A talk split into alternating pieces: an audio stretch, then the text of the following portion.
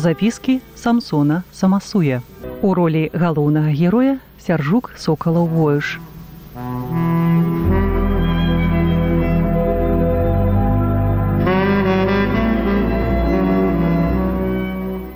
Я і сам не ведаю, які чорт лысы падштурхнуў мяне прыняць удзел у гэтай шалёнай аблаве на беспрытульных сабак.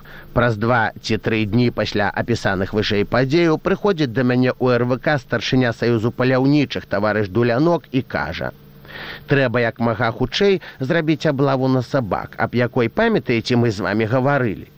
Тады прыйшлося адкласці, а цяпер іх столькі набегла, што жудасць бярэ тэрарызуюць насяленне, ёсць выпадкі шалёных. Далей марудзіць нельга. Я накідаў плян атакі на сабак. Вызначыў на пляне мястэчка пункт для кажнага застрэльшчыка, вылучыў ударныя адзінкі, запрапанаваў мець двух санітараў на выпадак ранення і гэтак далей.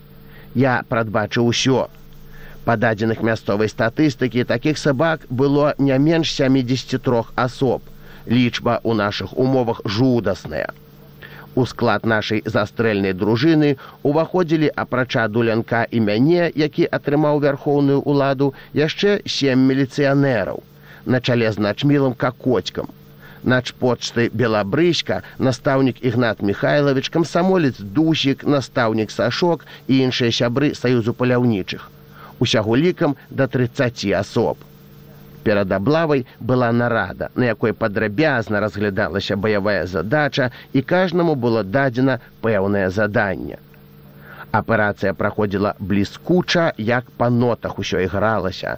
Галоўны удар мы нанеслі каля местачковай бойні, дзе звычайна ў гэты час бадзяюцца задраўшы хвастай сабакі. Палажыўшы там каля дзясятка забітымі, мы галоўную сабачую масу пагналі па вуліцах мястэчка, дзе іх чакалі застрэльшчыкі. І вось узнялася такая страшэнная страляніна, што абудзіліся грамадзяне. Іх спалоханыя твары высунуліся ў вокны і крычалі: « Ай, ратуйце, рэжуць! Мы супакойвалі народ як умелі, і некаторым санітары нават давалі валер'янавыя кроплі. Так добра ўсё было прадбачана толькі аднаго я не прадбачыў. Калі ў стратэгічным захапленні я бег па больнічнай вуліцы, дык каля мун дому нумар 5 на мяне накінулася нейкая жоўтая сушчэнцыя. І ні слова не кажучы, пачала шкумардзіць мае зусім яшчэ новыя штаны. Яна такія вострыя зубы мела, што праз мінімальна кароткі момант адной штаніны як не было. Я трэснуў я па сабачай мордзе, тады на з нечуванным гавам укусіла мяне за абедзве лыткі і нават адарвала ладны шматок мяса. Я ледзьве не страціў прытомнасць і нечалавечым голасам зароў ратуйце, паміраю, шалёны сабака. Я галасаваў, што было моцы. Яна яшчэ з большым імпэтам і рвала мяне. Тады, кіруючыся нейкім інстынктам самазахавання, я бахнуў у галаву ёй сушчэнцыя цяўкнула і скончыла жыццё. Я перавёў дух, прысеў на лавацы і хацеў клікнуць санітара, каб ён йодам мне памазаў ці што. Сабака наяўна быў шалёны раптам дзверы адчыніліся выскачыў у скалмычаны лін і пабачыўшы здарэнне не сваім голасам закрычаў что ты зрабіў гад на што ты забіў яе? Я ж цябе самога прыкончу! Лін кінуўся да сабакі і падымаючы яго нежывое цела сумна гаварыў мілэдзі мілэдзечка за што ён цябе? Что ты яму няшчаснае зрабіла? Кроў гаду на вочы наступіла. Вось яны крывавыя літары Лін схапіў нейкую даўбежку і кінуўся на мяне, а я накіраваў стрэльбу прама ў яго галаву. Гэта мела эфект. Лін перапалохаўся, як агонь пыхнуў праз прасла, пералізаючы зачапіўся за цвік, штурмануўся аб зямлю і разарваў штаны. Кроў цурком лілася з мае нагі і трэба было ратавацца, хоць сабака і дабраякасны быў, але ўсё бывае, можа ён толькі-толькі ашалеў. Я выбыў шэрагу застрэльшчыкаў. Дружына засталася без кіраўніка. Праўда, аперацыя не спынілася і мела здавальняючыя вынікі. Было забіта 20 экземпляраў, процент значны, але развіталіся жыццём некаторыя сабакі, якія нічога агульнага не мелі з беспрытульнасцю і загінулі за сваю салідарнасць. На мяне некаторымі грамадзянамі была пададзена скарга таварышу сому і ў нарсуд. Такім чынам мяне ў два забоі пачалі біць. Бясспрэчна, усё гэта падвухрыў лін.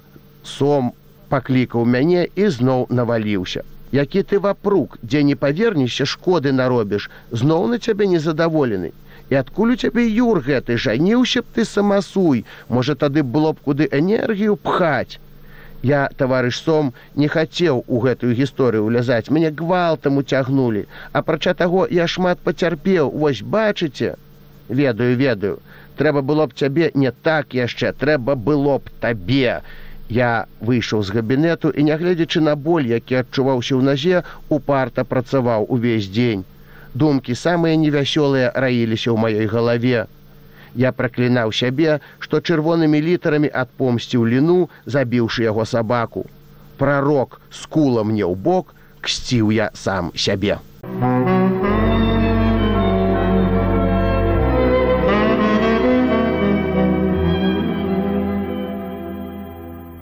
Аднойчы, калі цвілі ліпы, і ў паветры духотна п'яным і гарачым плылі струмені ліпнёвага паху і квітнеючых сенажацяў, я стаяў на мосце і глядзеў, як паціху бегла вада невялічкай рачулкі. Мост быў пад горкаю каля могілак за мястэчкам. Лох ля рэчкі бялеў увесь рамонамі. Цяжка было на сэрцы. Газетная кампанія, узнятая супраць мяне лінам, выклікала вульгарна фіялетавы настрой. Я глядзеў на белыя бязвінныя рамоны і думаў: Ой рамон зелля кудравая, Скажы мне рамон зелля, а ідзе моя доля лихая бітым шляхам валачэцца. Ніякага выразнага адказу ад расліны я не атрымаў. Ды што мне параіла б няшчасная кветка, якая сама мусіць думала, як праз два ці тры дні вострая джгала касы дзікунска насмяецца з прыгажосці прыроды ў імя харчова-утылітарных запатрабаванняў. Доўга думаў я над рэчкаю. Да рэвалюцыі яе звалі сіняй рэчкай. А калі дамоў ішоў, у галаве маей быў цвёрда задуманы і добра сканструяваны плян. Як відаць, мяне не так лёгка зламаць. Жыццё ў мяне пырскае з усіх каморак арганізму як відаць бліскучае гарачае сонца сіняе бясхмарнае неба і лёгкі лагодны ветрык супольна апрацавалі маю думку ў пажаданым напрамку і стварылі мой плян ад песімізму не было і следу.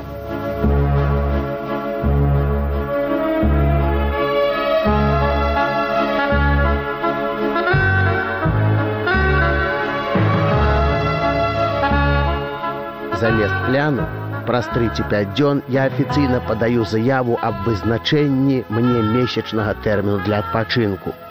Дамоў да бацькі не паеду. Адпачынак правяду тут у шапялёўцы. Кожны мае рацыю прызнаць гэты плян дзівацкім.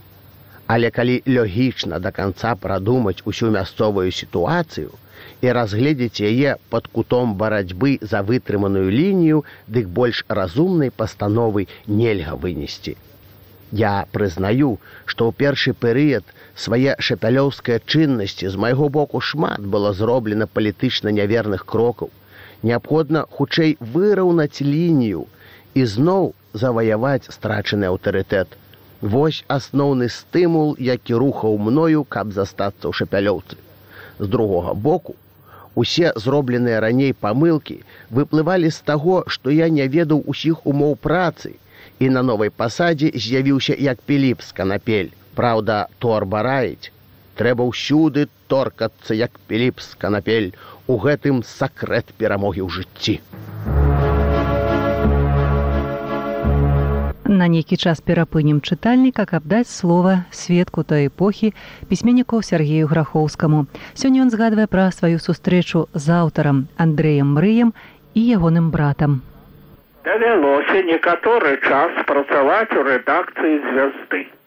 Рэдакцыя знаходзілася на цяперашнім праспекце з карыны, Ну вы то ведаеце там, дзе знаходзіцца вот цяпер магазин лакамка, паўлінка і гэтак далей у гэтым месцы і там у суседнім пакоі сидзелі двое невысокага росту чалавек, даволі кругленькі, вельмі інтэлігентны, замкнёны, маўклівы і малады хлапчук бялявы, я даведваюся, што гэта перабежчык заходняй Беларусі, камсамолец заходняй Беларусі Валентин Таўлай, а другі стыль рэдактор Шашалевич ён жа мрый. У мяне з ім асабістых дачыненняў не было, але я вельмі хутка пазнаёміўся з яго малодшым братам Васілём. Мы пасябравалі з ім, і ён пасля знік мрлі невядома куды. Оказалася василь мне рассказывал что это его родный брат і ў тридцать четвертым годзе ён быў арыштаваны і засуджаны на пять гадоў на перавыхаванне у лагерах крайняй поўначы. Вот так закончилася уласна кажучы гісторыя публікацыі сам запісак самсона самасуя у мінску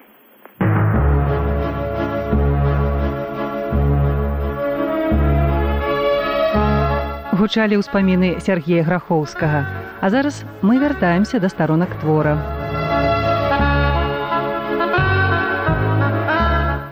Праз пяць дзён я свой плян поўнасцю правёў жыццё. Мне далі месячны адпачынак. Адначасна з гэтым навальнічнае паветра, якое згусцілася над маёю галавою, нібы само сабой разрэдзілася. Неяк раптам усё ўлагодзілася. Я зрабіў яшчэ адзін крок, які з'явіўся пераломным момантам. Я падаў заяву ў райком аб сваім шчырым жаданні працаваць у шэрагах партыі. Сакратар райкому, таварыш Андросаў, здзіўлена зірнуў на мяне. Гэта справа добрая і праўду кажучы, загадчык культ аддзелу павінен быць партыйным. Толькі не чакаў я. Не вытрыманы ты працаўнік, часам такой лухты наробіш, што партыйцу ніякім чынам нельга дараваць. Я выпраўлю сваю лінію. Я хачу быць задаволеным вашым кіраўніцтвам на ўсе сто процентаў, сказаў я. Добра, добра, пабачым. Трэба, каб два камуністы і з стажам далі за ручку.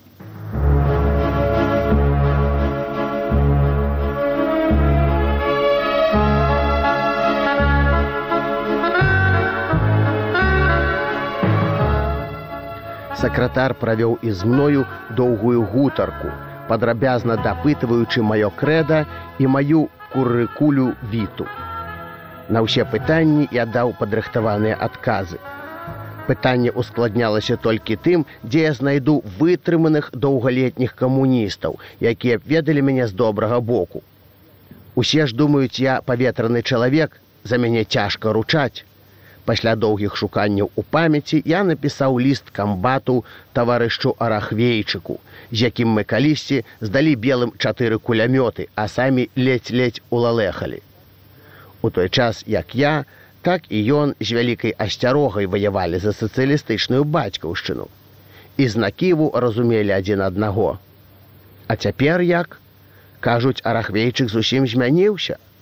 Так яно і ёсць. Праз тры дні прыйшоў ад яго ліст, які для мяне быў уважыстай маральнай даўбнёй. Тое, што ты надумаў, лічу найвялікшым сусветным глупствам. Партыя нядзеўка, якую можна спакушаць бяскарна. Зарубі сабе гэта на тваім кірпатым носе, які ты будзеш камуністы, толькі смяшыць людзей будзеш. Кажучы фігуральна, цябе трэба каленам пад мяккія часткі штурхаць да сацыялізму.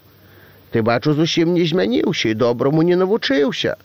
А трэба, трэба, бо ў людзей дурні здыхаюць, а ў нас як з вады вылязаюць. Гэты абразлівы ліст на сто процентаў атруціў мне два дні. Зноў у галаве замітусіліся зрадныя думкі, зноў паўстала перспектыва завярнуць аглоблі фартуны на бацькавы гоні.